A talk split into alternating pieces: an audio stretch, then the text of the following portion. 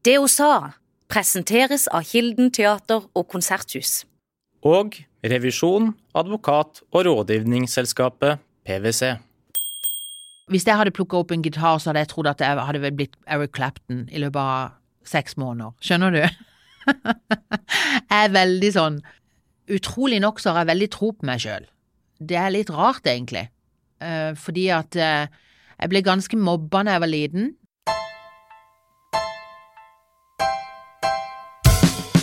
Donna Ioana, velkommen til det hun sa. Tusen hjertelig takk. Til de som ikke kjenner det, så kan jeg si at du er modellmamma eller modellagent. Mhm. Bor i Kristiansand.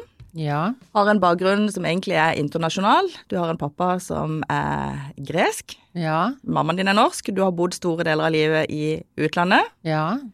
Og nå er du her, og vi, Ja. og vi skal bli litt bedre kjent med det. Så jeg har lyst til å begynne med å si Kan du, kan du Donna, si tre ting som kjennetegner deg, sånn at de som hører på, blir litt bedre kjent? Vel, jeg har en veldig god eh, sans for humor. Jeg ler mye. Jeg er selvironisk. Jeg elsker leopardprint. Og jeg elsker eh, hunder. Ja, du elsker leopardprint, og du elsker hunder. Ja, men fake leopardprint, altså det vil si eh, Jeg er ikke noe for sånn trophy hunting. Det er jeg ikke. Hvordan, Donna, har det vært å bygge opp en eh, business på Sørlandet? For det er jo en, en virksomhet som ikke så mange driver med, det med å være modellagent. Fortell om hvordan det har arta seg i Kristiansand. Det har vært så vanskelig. Eh, det vil si det at eh, når jeg begynte med dette i eh, Speida og fant min første jente i 1996, så var jo Altså, det var jo helt krise. Eh, det var jo forside på eh, Fevennen og VG, og det var Det var Det var som jeg hadde gjort noe forferdelig galt. Og eh, jeg ble jo eh, Jeg ble jo eh, kritisert veldig mye. Jeg fikk veldig mye eh, negative opplevelser. Jeg kunne være, sitte hjemme hos meg sjøl i leiligheten og få liksom eh, brever og plakater gjennom vinduene som skyldte på meg for alt an anoreksia og spiseforstyrrelser, og det var Det var ordentlig, ordentlig vanskelig. Så det er ikke på, på grunn av denne byen, det er på tross av denne byen at jeg har eh, Jeg har egentlig aldri gitt meg. Jeg har alltid likt skjønnhet. Jeg begynte å lese Vogue når jeg var syv år gammel, eller kikke på bildene da. Min mor sine Vogue, og studerte ansikter. Og eh, ble på en måte helt sånn consumed i, i en sånn verden da, som egentlig ikke var real. Men, men når skjønte du at den fascinasjonen din for skjønnhet kunne bli til noe du kunne leve av? Ja, Det skjønte jeg egentlig etter ei lang, lang stund. Jeg, jeg, jeg visste ikke hva jeg, hva jeg ville bli for noe. Eh, når jeg gikk på skole og, og sånn, jeg klarte ikke å konsentrere meg. Jeg, begynte jo å forstå det når jeg var sånn eh, i midten av ja, sånn 6-27 år gammel. Da begynte jeg å forstå at det, dette er faktisk et yrke. Eh, det å være en eh, modellspeider, det å være en modellagent, det å eh, oppdage ei ung jente på sånn 14-15, og så begynne sånn å ha en relasjon med foreldrene, og begynne å forberede de til et yrke som egentlig, egentlig kan sammenlignes med å være en fotballspiller. Og jeg kan sammenlignes med å være en fotballagent. Fordi at eh, det er jo eh, et yrke som ikke varer forever. Veldig Du har egentlig Nå er det jo lengre levetid, da, men, eh, men på 90-tallet så var det jo ti år maks. Så, så var du ferdig. Jeg kunne ikke skjønne hvorfor folk var så imot det.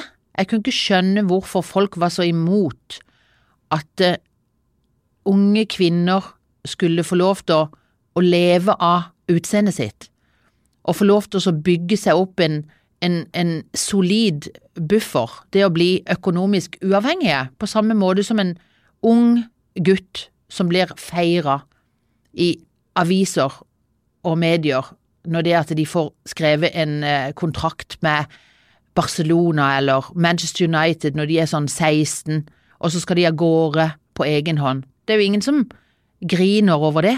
Men skjønner du litt mer av det i dag? For, for du kunne ikke skjønne den gangen hvorfor folk hissa seg så opp over det. Nei. Har, har, det, har ditt syn på det endra seg? Nei. Det har ikke det. Jeg skjønner ikke hvorfor folk øh, For det første så øh, Det er jo en, en bransje hvor du kan bli utsatt for mye press og så videre. Men jeg vet bare hva jeg, hvordan jeg øh, jobber med jentene.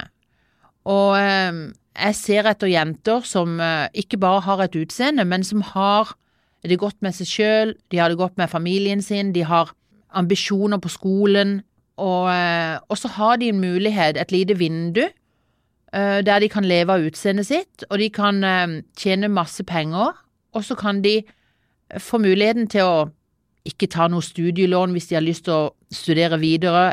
De kan Jeg har jo fått frem supermodeller som har kjøpt seg leiligheter cash, ikke sant, i en veldig ung alder.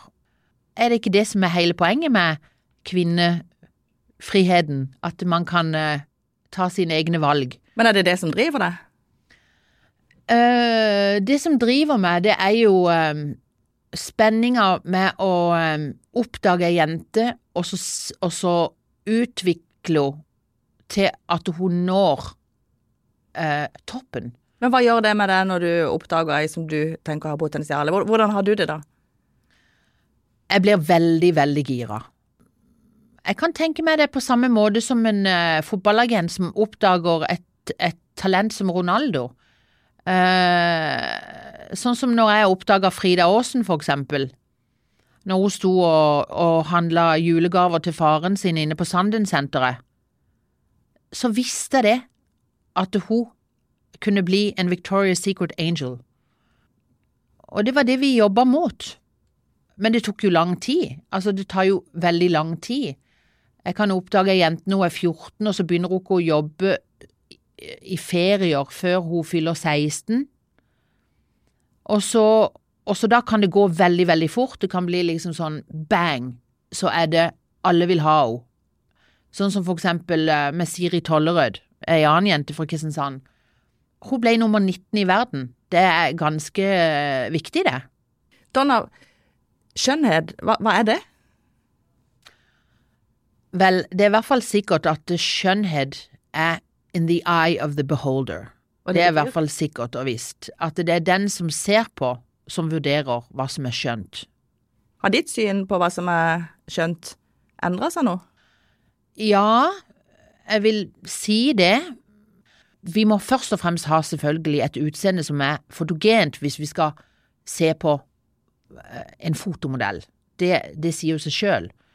Men det er Det er utstrålinga, det er personligheten, det er Er det gøy å jobbe med denne jenta? Det er ingen fotografer som har lyst til å reise på en eller annen eh, eksotisk tur eh, til Bahamas og skal fotografere ei jente i badetøy i ei uke, hvis ikke hun har noe annet enn bare utseende. Hvis hun er sur og kjip, så blir det ikke noe bra. Ja, eller kjedelig. Eh, jeg har møtt veldig mange veldig vakre, veldig kjedelige, forglemmelige jenter i mitt liv. Og så har jeg også blitt eh, totalt blown away av jenter som har kommet inn på et kurs som egentlig ikke tenkte noe over, som sendte inn et bilde av seg sjøl, og så kommer de og skal de ta et kurs hos meg, og så er det bare sånn Bada! Her er jeg! Og så er det bare en sånn fest av en personlighet.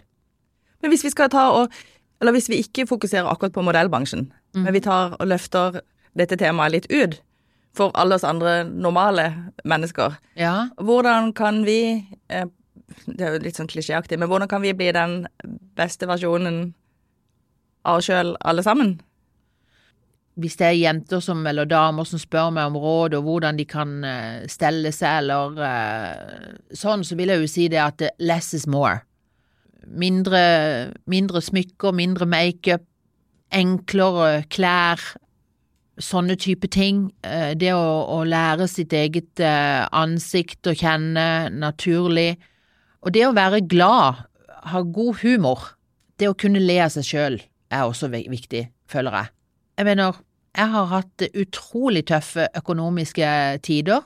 Det er ikke så lett, og det har ikke vært så lett å, å måtte vente i mange år på at ei jente skal komme seg fram og Ikke sant? Så eh, det har vært Det er en berg-og-dal-bane å være en gründer. Og I hvert fall i et sånt spesielt yrke som dette. Hva er det du har som gjør at du har klart det, til tross for at du har møtt mye motgang? At du har klart å holde fast i den troa på at dette er det du skal lykkes med å få til? Vel, jeg gir meg ikke i det hele tatt. Aldri. Never. Jeg er veldig ambisiøs. Jeg har supertro på at mitt brand ikke bare, og ikke bare det at jeg skal få fram ti nye supermodeller nå i løpet av et par år, men jeg har også veldig tro på at eh, jeg kommer til å starte et brand som har med makeup å gjøre. Eh, vi holder på med lipgloss nå. Jeg har uh, knytta til meg uh, to fantastiske forretningsmenn.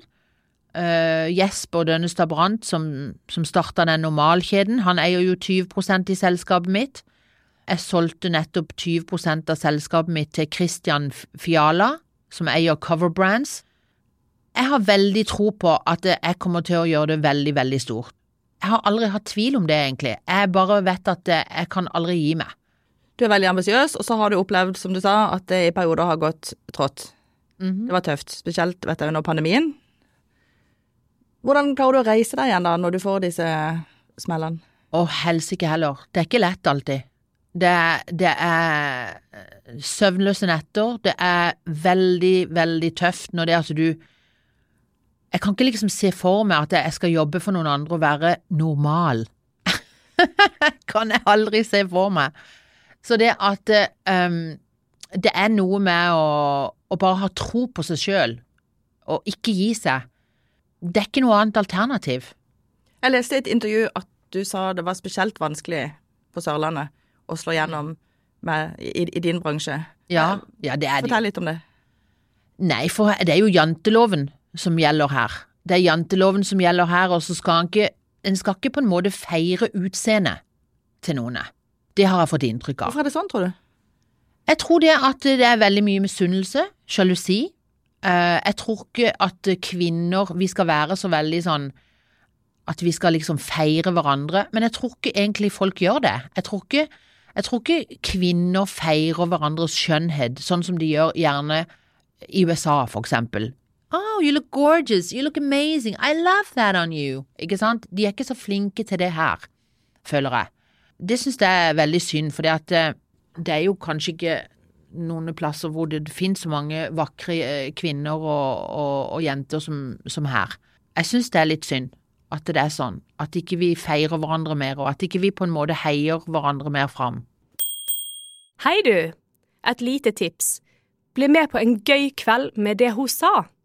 26. april inviterer vi til Det hun sa om kvelden der treffer du Birgitte Klekken med inspirerende gjester, og vi garanterer god stemning. Finn mer informasjon og bestill billetter inne på Facebook-gruppen Det hun sa. Vi ses! Hvordan ser en hverdag ut for deg der du gjør de tingene du sier nå, der du heier andre frem, der du går ut og er den du egentlig er? Uh, jeg holder jo modellweekend nede i Milano.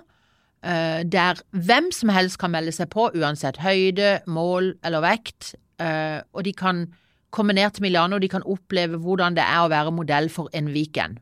Og jeg ser en enorm forandring i jenter som reiser ned på en sånn tur.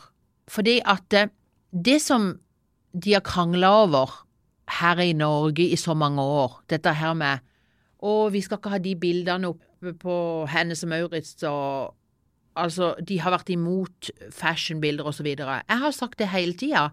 Er, er, det ikke så enkelt som å bare vise folk hva det er som ligger bak det å lage sånne type bilder? For det første så har du helt fantastiske uh, fotografer. Altså, du har fantastiske makeupartister, du har fantastiske stylister. du har det beste lyssettinga, alt er bare perfect, perfect, perfect. Og så, og så på toppen av det hele så retusjerer de etterpå. Og det gjør de jo med supermodeller også. Så jeg, jeg gir disse jentene mulighet til å kunne se seg sjøl sånn som de ser på andre. Det er ikke virkelig det vi ser. Det er jo litt interessant. Det er jo For ikke du, virkelig. Nei, du ønsker at vi skal være mer ærlige om hvordan det egentlig er? Ja, absolutt. Og det har jeg sagt alltid. Og for mange år siden så ble jeg jo intervjua, og så var det noen som liksom skyldte på meg at det var min skyld at det var så mange fine jenter i, på plakater rundt forbi på Hennes og Maurits og så videre. Men det er ikke min skyld. Jeg sa det, jeg har sagt det hele tida. Det er opp til forbrukeren å forandre på det. For hvis forbrukeren nekter Nytter ikke å gå og klage og så si det at eh, Hennes og Maurits bruker altfor tynne og for fine jenter i disse reklamekampanjene, og så går du inn og så kjøper du bikinien. Nå har det jo blitt forandring, da, i utseendet på modeller som henger på Victoria's Secret, og som henger på uh, Hennes og Maurits, så står det 'retusjert person', og så videre. Så for å si det sånn, alle kan bli modell for en dag. Alle kan være modell for en dag. Jeg kan også være modell for en garnforretning i Arendal. Men liksom, det er forskjellen på å spille i Eliteserien, ikke sant? Det er jo bare det jeg, jeg prøver å si. Jeg syns det var en gøy, gøy assosiasjon. Å bli modell for en garnforretning i Arendal. Ja. Men sånn for egen del, da. Du ble ikke litt sånn lei av og til å skulle fokusere på utseendet så mye? For, for du er jo en del av det. Nei, eh, jeg, jeg gjør ikke det, for det at eh, det er eh, som en del av meg. Du får ikke lyst av og til bare stå opp og hive på deg joggebukse og slippe ut maven og Jo, men det gjør jeg. stikke ut? Ja, det oh my sånn god, I do that every day. Ja. Jeg har ikke noe med Fordi jeg har ikke noe med hvordan jeg er. Det er ikke meg som er holdt jeg på å si modellen. Nei, men Blir du ikke veldig opptatt av de tingene, sånn at det blir, man blir sjølkritisk òg? Altså, jeg vil jo ikke si det. Hvis det hadde blitt det, så hadde jeg vært mye slankere enn det er. Eh, hadde, hadde det bete på meg sånn i den forstand. Men det er jo det som er noe av utfordringa for noen, at ikke de klarer den distansen. Ja. Så hva er det som gjør at du klarer å da å være happy og fornøyd med som du er, og som du sier, gå ut i den slitte joggebuksa og slappe av? Vel, for å si det sånn, um, gå ut i den slitte joggebuksa. Jeg går ut i, i ei joggebukse hver morgen, jeg, fordi at jeg er ute med hunden min klokka åtte om morgenen, og da uh, storker jeg opp og, og steller meg og tar på meg maskara for å gå ut med hunden min. Men det er klart at hvis jeg skal i et møte, eller hvis jeg skal møte her på Feven, så, så, så kler jeg meg jo, men det er jo en det er jo noe som får meg til å føle meg bra. Jeg kan ikke begripe, og det sier jeg jo også etter 17 år som jeg har bodd i Milano, jeg kan ikke begripe hvorfor det å ikke stelle seg er lik det å være happy og føle seg bra om seg sjøl. En skulle jo tro det var motsatt. Jeg vil jo si det at eh, når jeg ser på hvordan folk kler seg i eh, Milano, så blir jeg eh, glad. Jeg blir imponert. Fordi at de kler seg, og det virker som de er mer happy. Jeg syns at det, folk som, som kler seg opp og steller seg og pynter seg, og de, de, de ser generelt gladere ut. Men hvis du våkner en dag og føler deg litt shabby, Mhm. litt nedfor, det har, vært, det har kanskje vært en tøff dag, eller det er en tøff periode på jobb, hva gjør du da for å få den der gode følelsen der du føler det, at du skinner? Det viktigste for meg, det er å gå ø, tur. Jeg går tur med hunden min, jeg liker å sitte nede ved sjøen, jeg liker å stelle hjemme, jeg er veldig glad i interiør og glad i hagen min, jeg liker å ut og spise lunsj, jeg liker å sitte og se på folk. Og så elsker jeg å lage mat. Så det at eh, jeg slapper veldig av, og det er veldig sånn de-stressing for meg. Men du elsker hunder òg? Ja, I love them. Hva, hva er det med hunder som gjør at du blir så glad? Nei, det er det at de er De er uskyldige. De er Jeg føler de er englene våre på jord. De er virkelig Jeg jeg er helt totalt lost i uh, hunden min Frankie. Jeg hadde en hund før han som jeg hadde i 14 15 år, en York i det også. Jeg er med i flere forskjellige dyrebeskyttelser. Eh, Jeg kunne veldig godt tenke meg også på sikt ha langt flere hunder. Ta inn hunder som, som er mishandla og sånn. Eh, Jeg er, veldig, jeg er veldig glad i hunder, de gjør meg glad. Og så har jeg jo ikke barn, da, så det at eh, jeg har en sånn veldig sånn morsfølelse overfor eh, hunden min. Du nevnte det med dyrebeskyttelsen. Mm. Fortell. Nei, altså, jeg har jo veldig lyst til å starte uh, et veldig stort brand som har med makeup og, og dette å gjøre, og jeg har lyst til å gi en, en del av, av, de pengene der til, til PETA, til WWF. Jeg synes det er veldig, veldig mye forferdelig som skjer med, med dyr. Når du snakker, så merker jeg at du er veldig engasjert. Det virker som du, du brenner for ting som du setter i gang. Er du en person som trives best med å start, altså få en idé, og så sette det i gang? Å ja, absolutt. Absolutt. Jeg mener, hvis jeg hadde plukka opp en gitar, så hadde jeg trodd at jeg hadde blitt Eric Clapton i løpet av seks måneder. Skjønner du? jeg er veldig sånn Utrolig nok så har jeg veldig tro på meg sjøl. Det er litt rart, egentlig. Eh, fordi at eh, jeg ble ganske mobba da jeg var liten. Flytta veldig mye fram og tilbake og var alltid den nye jenta og eh, Så jeg var en del sånn aleine. Men jeg har alltid Jeg vet ikke om, om det er amerikaneren i meg. Jeg er jo født, født og delvis oppvokst i USA. Så der er det liksom eh, mer vanlig å, å kunne uttrykke at uh, en har lyst til å bli noe stort noe, uten at det blir sett ned på. Du sa at du flytta mye. Ja. Hva gjorde det med deg? Nei, det gjorde noe med meg i den forstand at um, jeg ble jo veldig um, tøff, vil jeg si. Jeg, jeg tåler mye, tror jeg. Jeg er ikke sånn som Jeg er ikke noe pyse. Men eh, jeg er jo et menneske, jeg også, så det er jo klart at eh, Jeg føler jo jeg har tålt veldig mye negativt her. Men åssen er det å finne seg til rette i Kristiansand etter du har vært ute i den store verden og levd litt glamorøst? Altså, en vet jo hvor en er hen. For å si det sånn, jeg pleier alltid å si når en lander på Kjevik, så lander en virkelig. Det er, På godt og vondt, egentlig. ja, ja en, eh, det er veldig, veldig annerledes. Jeg må jo si det at det er her for det meste på grunn av eh, min mor og min far.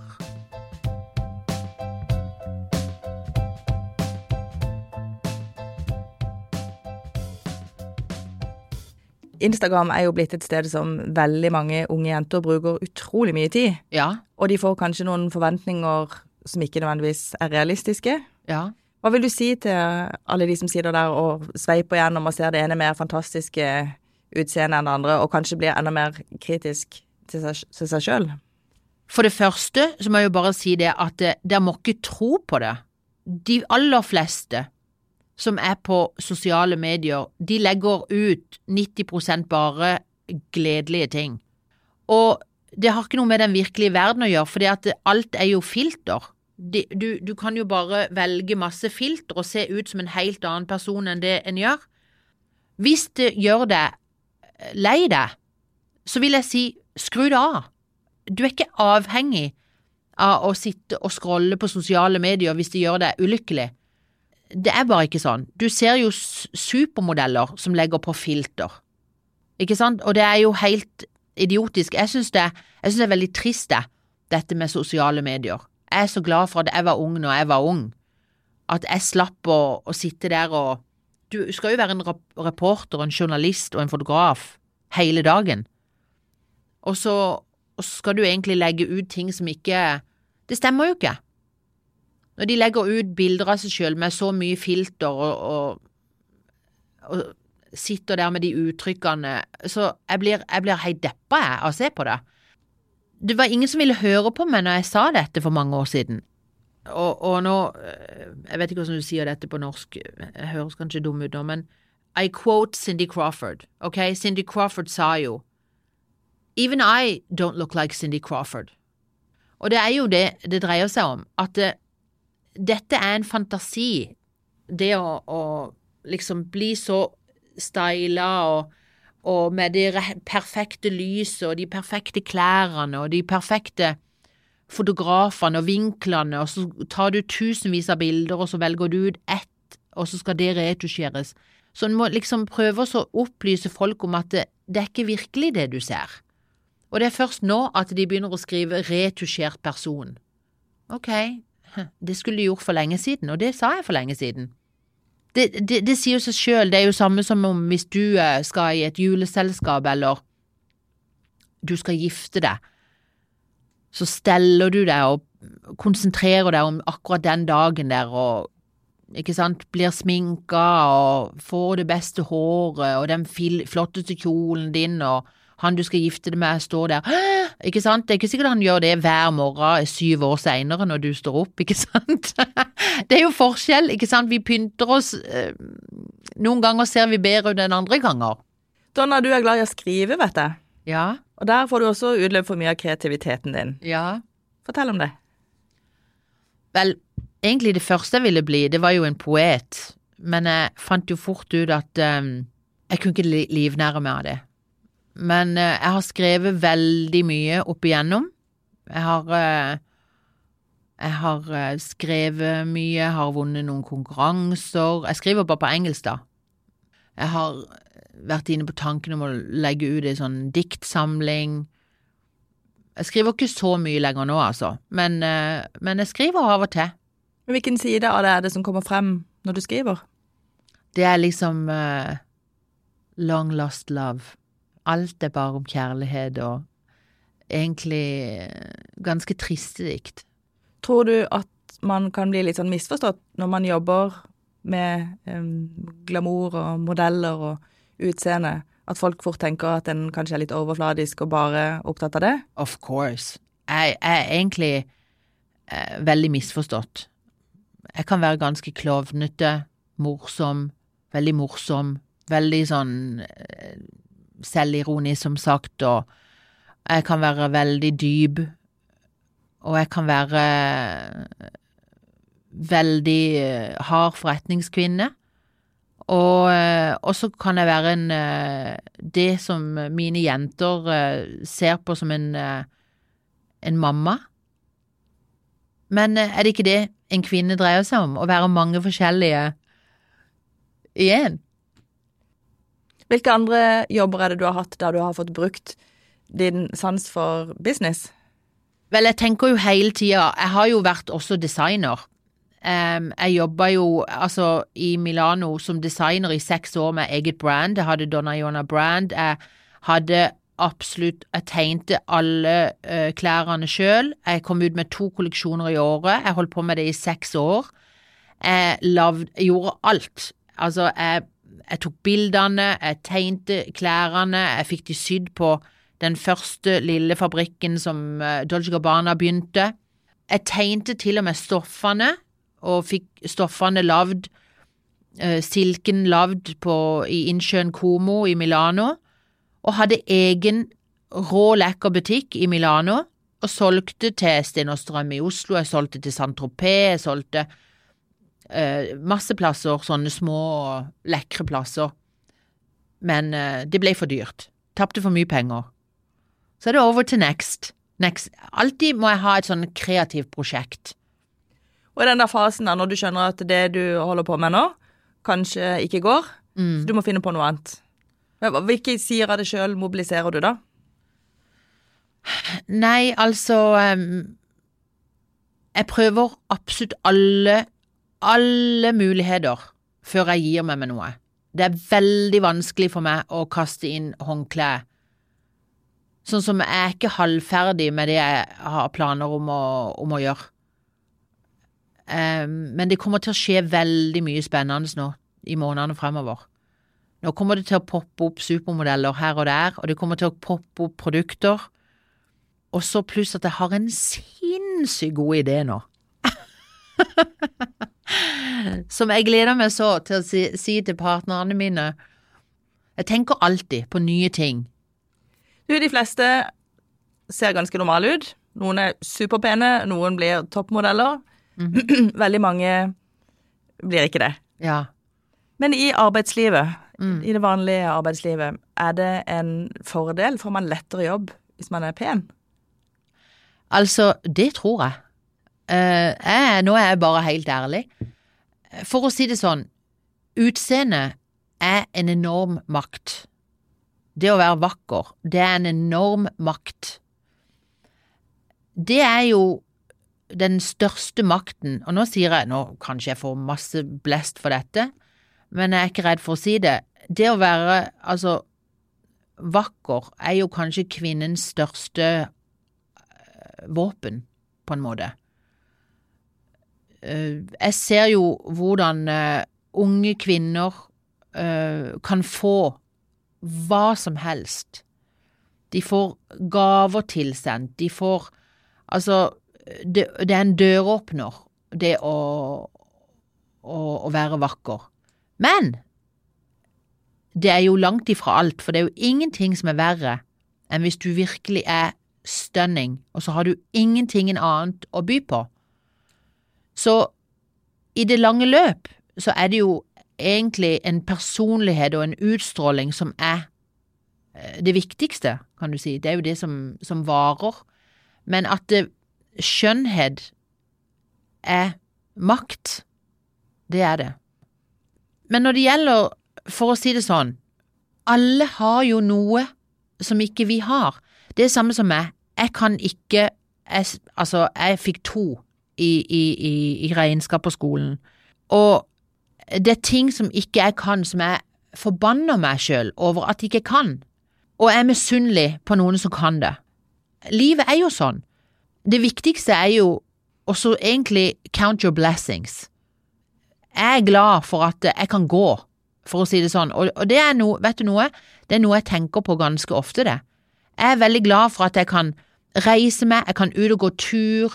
Altså, en må jo være glad for, for det en har, og være glad for de folkene en har rundt seg. Det er ikke mer enn et minutt som skal til for oss å liksom tenke over hva en skal være glad for, istedenfor å tenke hele tida hva en ikke har.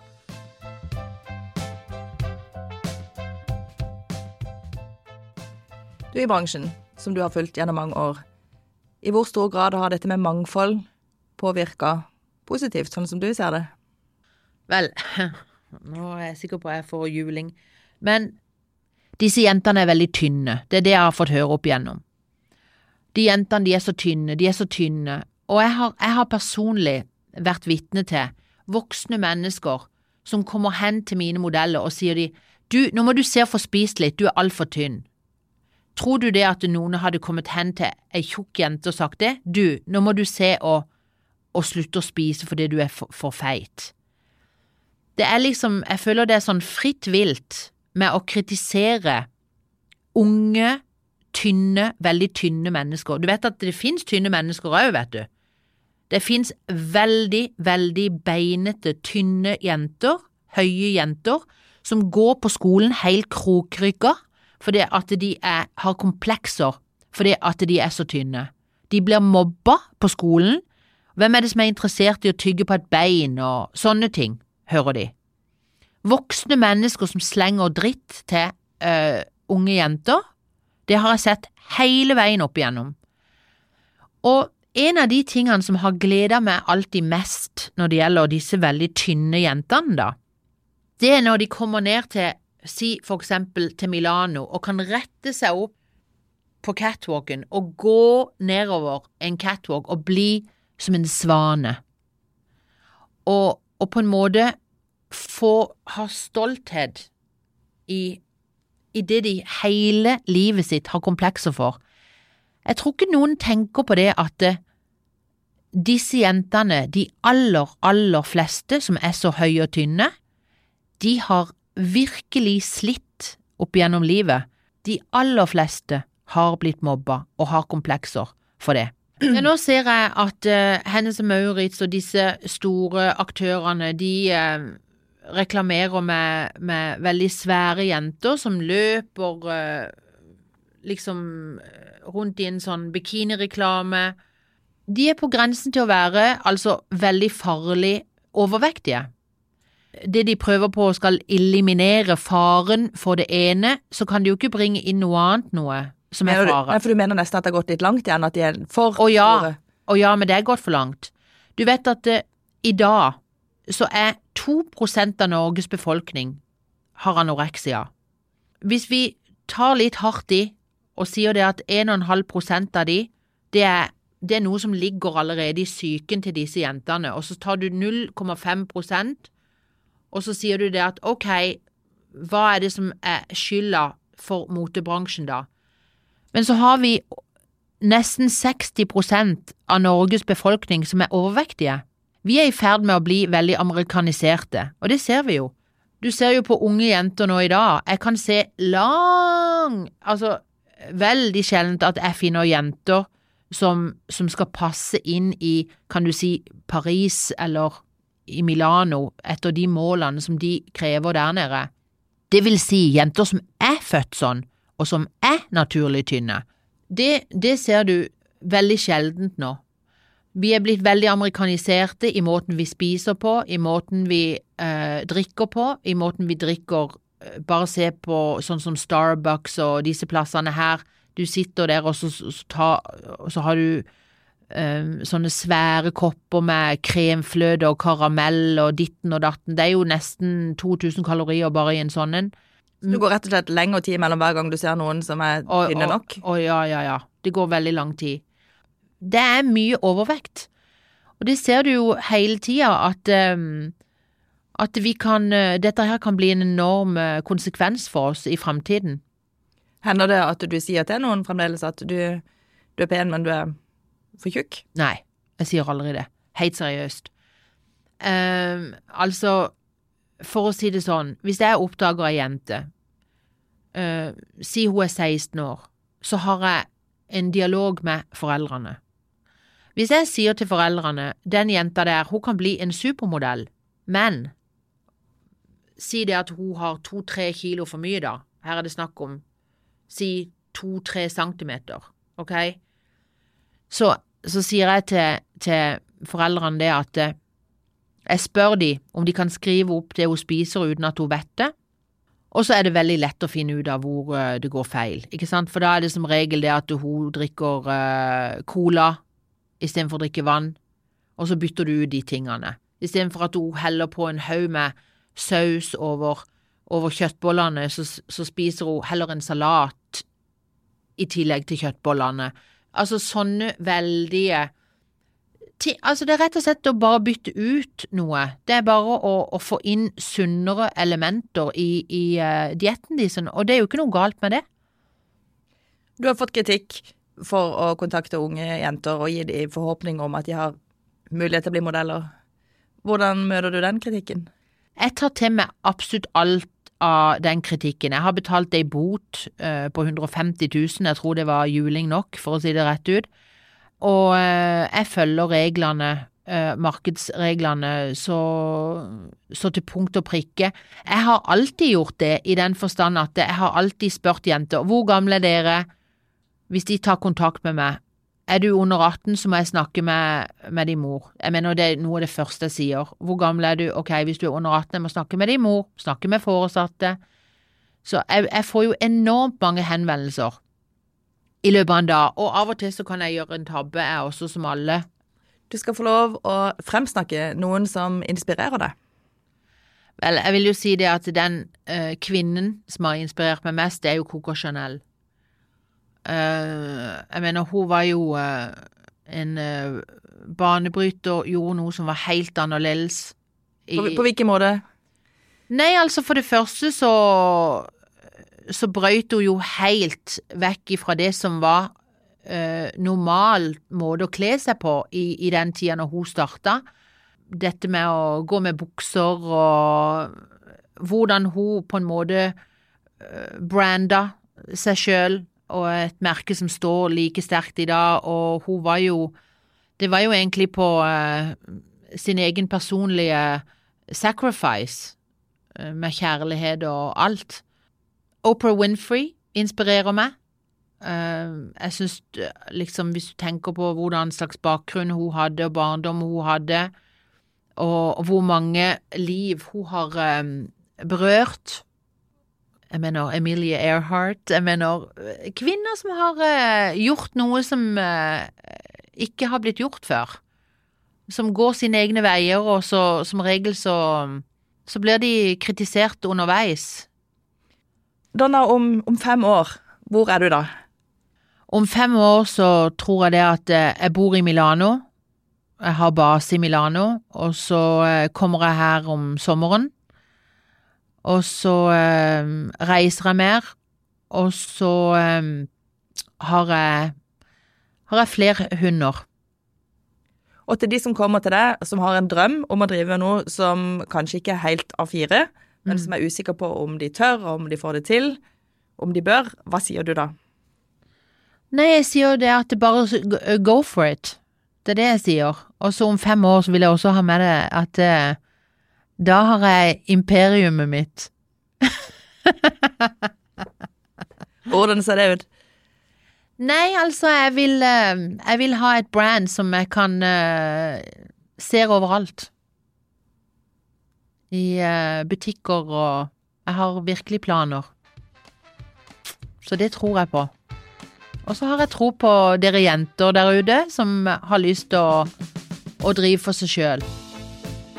Donna Johanna, tusen takk for at du kom til Fjellandsvenn og det hun sa. Tusen takk i like måte, det var veldig hyggelig. Du har hørt på Det hun sa av Federlandsvennen. Følg oss på Instagram og meld deg inn i Facebook-gruppen vår. Der kan du foreslå en gjest du har lyst til å høre i neste episode.